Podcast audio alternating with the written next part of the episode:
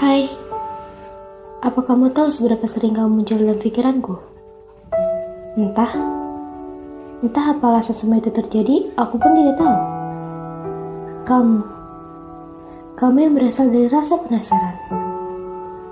Kamu yang selalu ada di setiap hariku. Kamu yang mengalihkan semua perhatianku. Kamu yang kurasa sepemikiran denganku.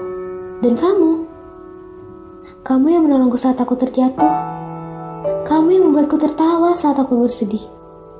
Dan kamu yang menjadi alasan bahagiaku sekarang. Tapi apa? Semua itu berubah dalam sekejap. Ketika kamu menceritakan tentang dia. Ya, dia. Dia yang kamu kagumi. Dia yang kamu sayangi. Dan dia yang bisa membuatmu bahagia. Dan atas kebahagiaanmu, aku tidak bisa berbuat apa-apa. Atas kebahagiaanmu, akan kurelakan dirimu kepadanya. Dan kuharap dia benar-benar bisa menjadi kebahagiaanmu sekarang dan nanti.